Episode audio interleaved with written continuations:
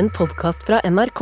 Hør alle episodene kun i appen NRK Radio. Men det å nyte livet, det er å sitte og chille og snakke med gode folk og ha gode samtaler og spise god mat og være et sted som ser også veldig fint ut. Nær et foss eller under et sånn lianetre eller et eller annet sånn bare ambi... Hva heter det? Ambience. Ja, det er viktig for oss.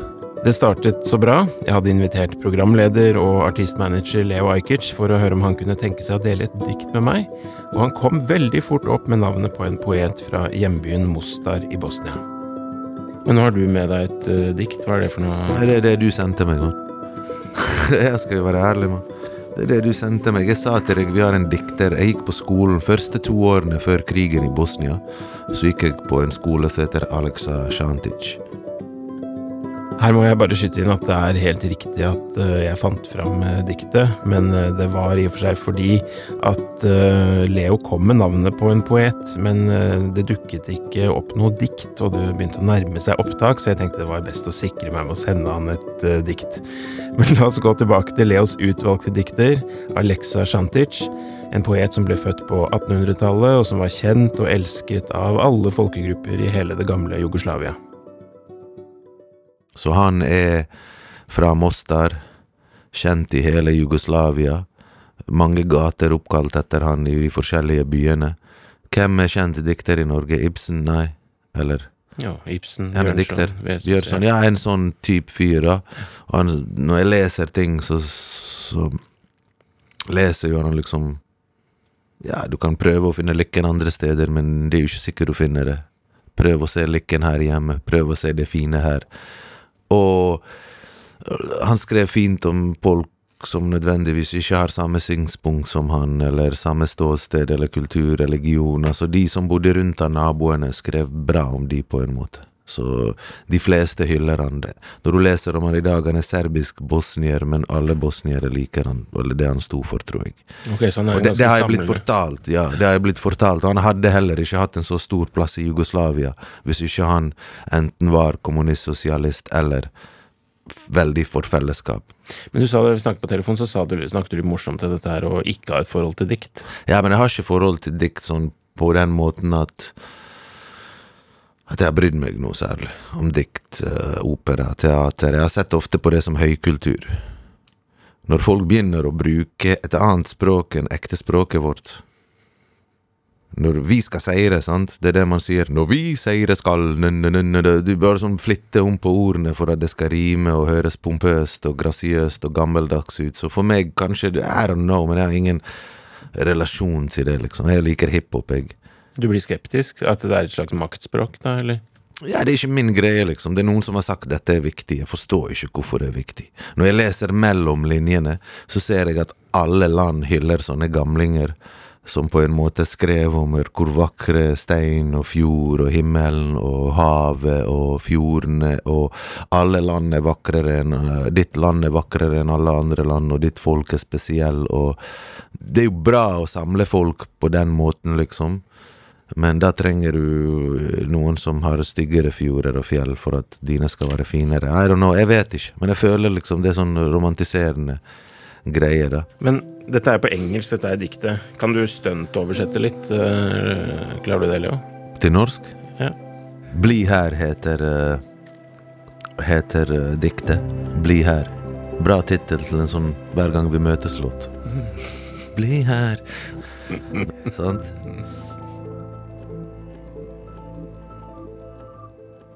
Bli her.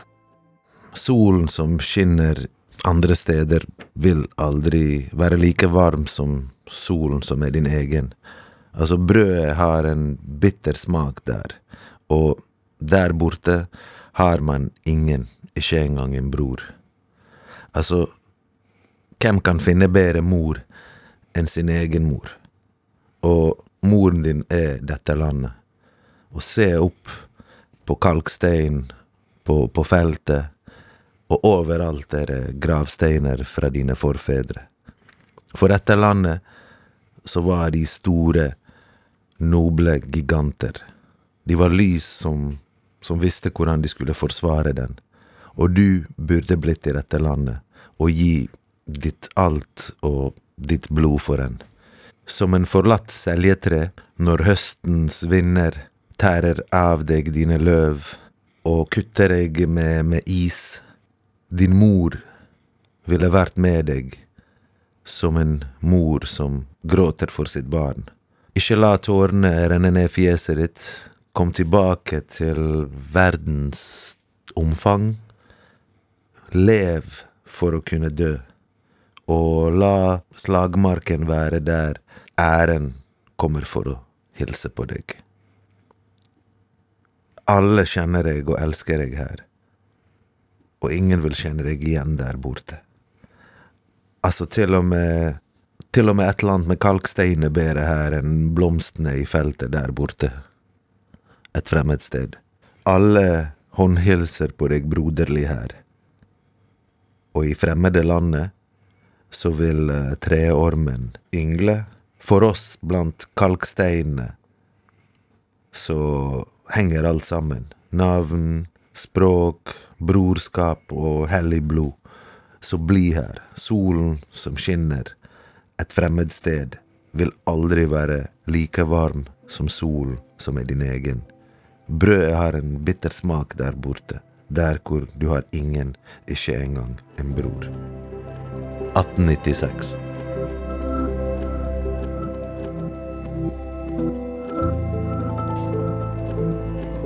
Det var veldig bra simultanoversettelse fra engelsk, må jeg si. Ja, det var Det ble poetisk. man. Ja, det er jo det, da.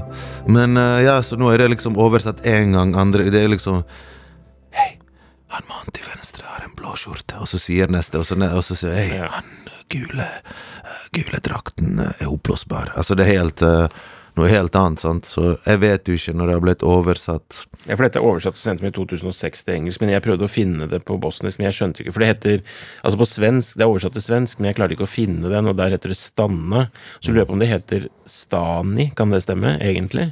Stani. Ja, det betyr uh, bli her, eller stopp. Ja, nettopp. Stans. Men ok, du er en liten gutt som begynner på den skolen som er oppkalt etter denne Ja.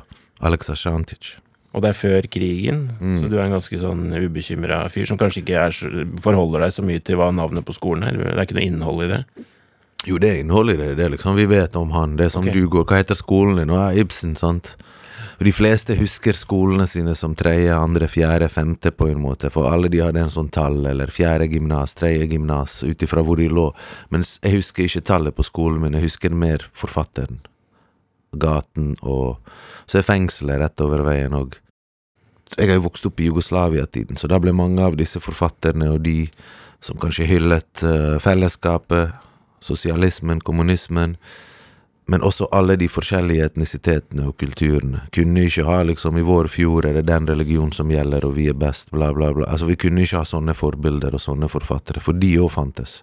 Det var mange bøker og dikt og ting som ble ulovlig under Jugoslavia-tiden på grunn de hyllet noe helt annet enn fellesskapet. Jeg vet min bestefar var en uh, forfatter. Var han det? Mm. Han hadde startet en avis som het eh, Mostar Tanks. Sånn, sånn satiregreie. Litt sånn sånn Natt og Dag, gratisavis eller et eller annet sånt. Yes. Så han het Mohammed Ajkic. Så senest forrige uke fikk jeg liksom noe screenshot av noen som la ut en greie. Første, første avisen han hadde gitt ut, på en måte. Min far har masse blueprints med aviser, med ting han har skrevet. og Alt fra kåseri til dikt til historier. Vitser og mye sånn morsomme historier og fra, fra Mostar-livet, på en måte. Han var bohem, tror jeg, på en måte. Det er det de har sagt til meg. Og han og gjengen hans jobbet visst for uh, et sånt område der det skulle være for kunstnere. Og i dag er det faktisk kunstnerkoloni. Det heter Pochitel. Det er helt nydelig, det stedet. Det er sånn Kunne vært på Game of Thrones. Hvis du googler og, og sjekker ut Pochitel. P-o-c-i-t-e-l-j. Så oppå toppen der er det kunstnerkoloni på grunn utsikten på grunn av Der er det masse små steinhus der det bor forskjellige kunstnere fra forskjellige verdensdeler, land, og bare har et sånn kollektiv, da, eller et, en skole, et sted som fører til inspirasjon og sånn. Og der skulle det være litt sånn, har jeg hørt, litt sånn liberalt når det kom til rus. Litt sånn Amsterdam, tror jeg. Du har litt uh, en fin arv og noe å slekte på der, da. Ja, ja, det er jo fett. Det er jo kult å kunne si at liksom bestefar holdt på med et eller annet kreativt eller kult. Og han jeg ikke fikk møtt, sier folk, det han jeg ligner mest på. Med tanke på hva vi gjør, hvordan vi er og sånn. Så han som har oppdratt meg, ligner Jeg står for mye av det han har sagt om moralene, men han andre skulle ønske hva han sa om de samme tingene. For jeg vokste opp med sånn disiplin. Kommer du fem minutter for sein, det Da er ikke du verdt så mye. Du må komme fem minutter for tidlig. Reise deg opp, snakke sånn. Du sier du til yngre, de til eldre. Lære masse sånn regler og disiplin og sånn. Lære å ikke være sånn ukulturert, usivilisert ungdom, på en måte. Til og med når min bestefar kom til Norge, han lagde samme type sirkel som han gjorde i Bosnia, der han har syv-åtte folk som han prøver å liksom besøke hver dag. Du har en slakter, en frisørsjappe, en kafé, et sted der du spiller boccia eller noe. Bare sånn sosiale rutiner, på en måte. Der du går rundt og hilser ja, så i Bergen, når han bodde i Bergen en liten stund, så gikk han på en måte, for eksempel. Der hadde ikke han folk å hilse på, men han lagde like stor sirkel, fire-fem kilometer. Så for de som vet Løvstakken i Bergen, Danmarksplass, så gikk han over broen, Laksevåg, bak sentrum, opp Kalfaret, ned Haukeland sykehus, kanskje Brann stadion, og så tilbake til Danmarksplass og Løvstakken. Eller omvendt, til Landås, ned Fjellveien, til sentrum og så rundt igjen. Så han hadde den sirkelen hver dag. Så det som Alexa snakker om her, kan gjenskapes på nye steder? Ja, det kan jo det, men jeg husker det ble ikke det samme. Så han valgte fort å stikke ned igjen, på en måte. Det var ikke det samme, på en måte. Det er lettere å lære nye hunder gamle triks enn å lære gamle hunder nye triks, på en måte. Men Lengter du tilbake til noe av det der, du da? Ja, selvfølgelig, men det skal aldri bli sånn. Men noen ting er jo sånn annerledes. Pga. klima, pga. forhold til mat, forhold til musikk, forhold til Man kan virkelig De som har litt og har det greit, de nyter livet, liksom. Man greier seg med litt mindre, og det er en andre ting folk setter pris på enn her, liksom. Så du skjønner han har leksa litt, da, selv om det er Ja, de vi liker å nyte livet det er å sitte og chille og snakke med gode folk og ha gode samtaler og spise god mat og være et sted som ser også veldig fint ut, nær et foss eller Vi elsker vår. Vi er kjent for Jeg ser i Japan så har de den kulturen når kirsebærtrær begynner å liksom spire. Det heter behar. Mange av låtene og diktene handler om behar. Så når jeg hører iransk uh, musikk, kurdi kurdisk, så hører jeg de samme ordene, og de også setter pris på disse tingene, liksom. Bare blomstene som før jeg blir frukt, liksom. Bare når hele byen er Tenk å sitte i hagen da og drikke kaffe og være med gode folk. Det er sånn en del andre ting som vi har glemt å sette pris på. Som ikke handler om nasjonal romantikk, at vi har finere fjord enn dere, men det er det vi har. Vi har stein, varme, fiken Adriatiske havet. Så det blir din, på en måte, ditt liv. Sånt. Så du skjønner hva han skriver i diktet her? Selvfølgelig, for jeg har vært de stedene. Du må ha gått i Nordnes i Bergen, i de små gatene og smauene, for å skjønne kanskje noe som handler om Bergen og lokalgreier der. For å skjønne Gunnar Staalesen, eller hva det heter.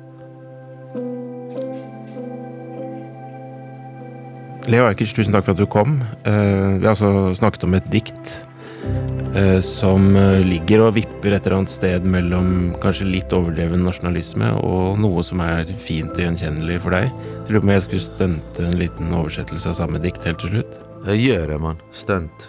Og stunt er bra.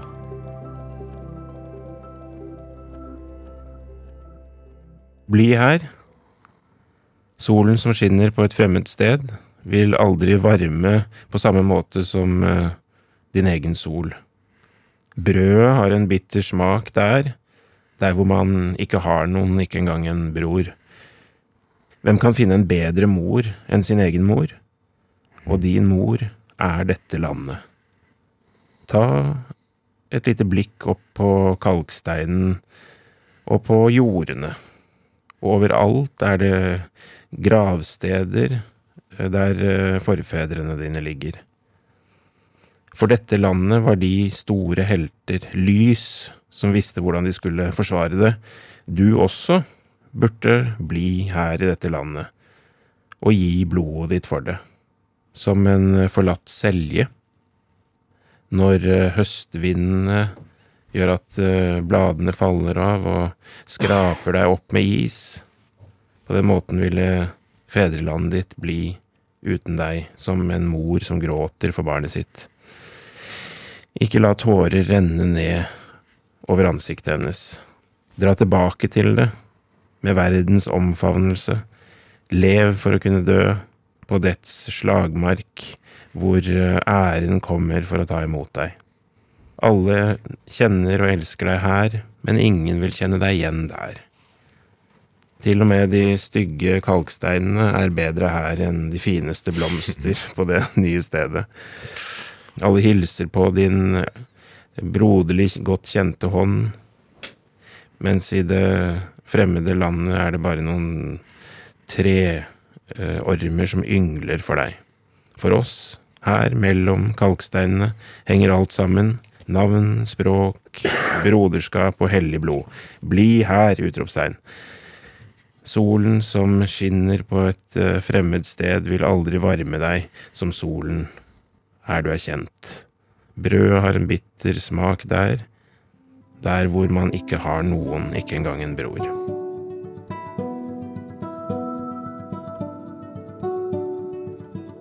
Kommer du til å lese mer eh, Alexa Santic, da, tror du? Alexa Santic, ja Jeg må jo det. Det Jeg går innimellom og, og leser meg litt opp på ting som har med Jugoslavia og Bosnia og forfattere og filmskapere og kultur og historie og ja. Jeg er jo interessert i det, definitivt. Det, man må aldri glemme hvor man kommer fra, liksom.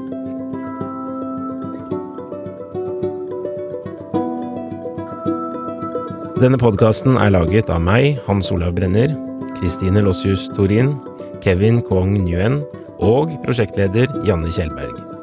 Redaksjonssjef Helle Vågland.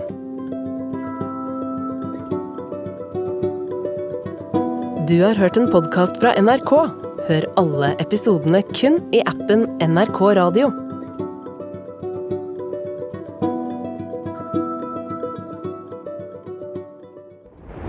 Drivkraft i NRK P2.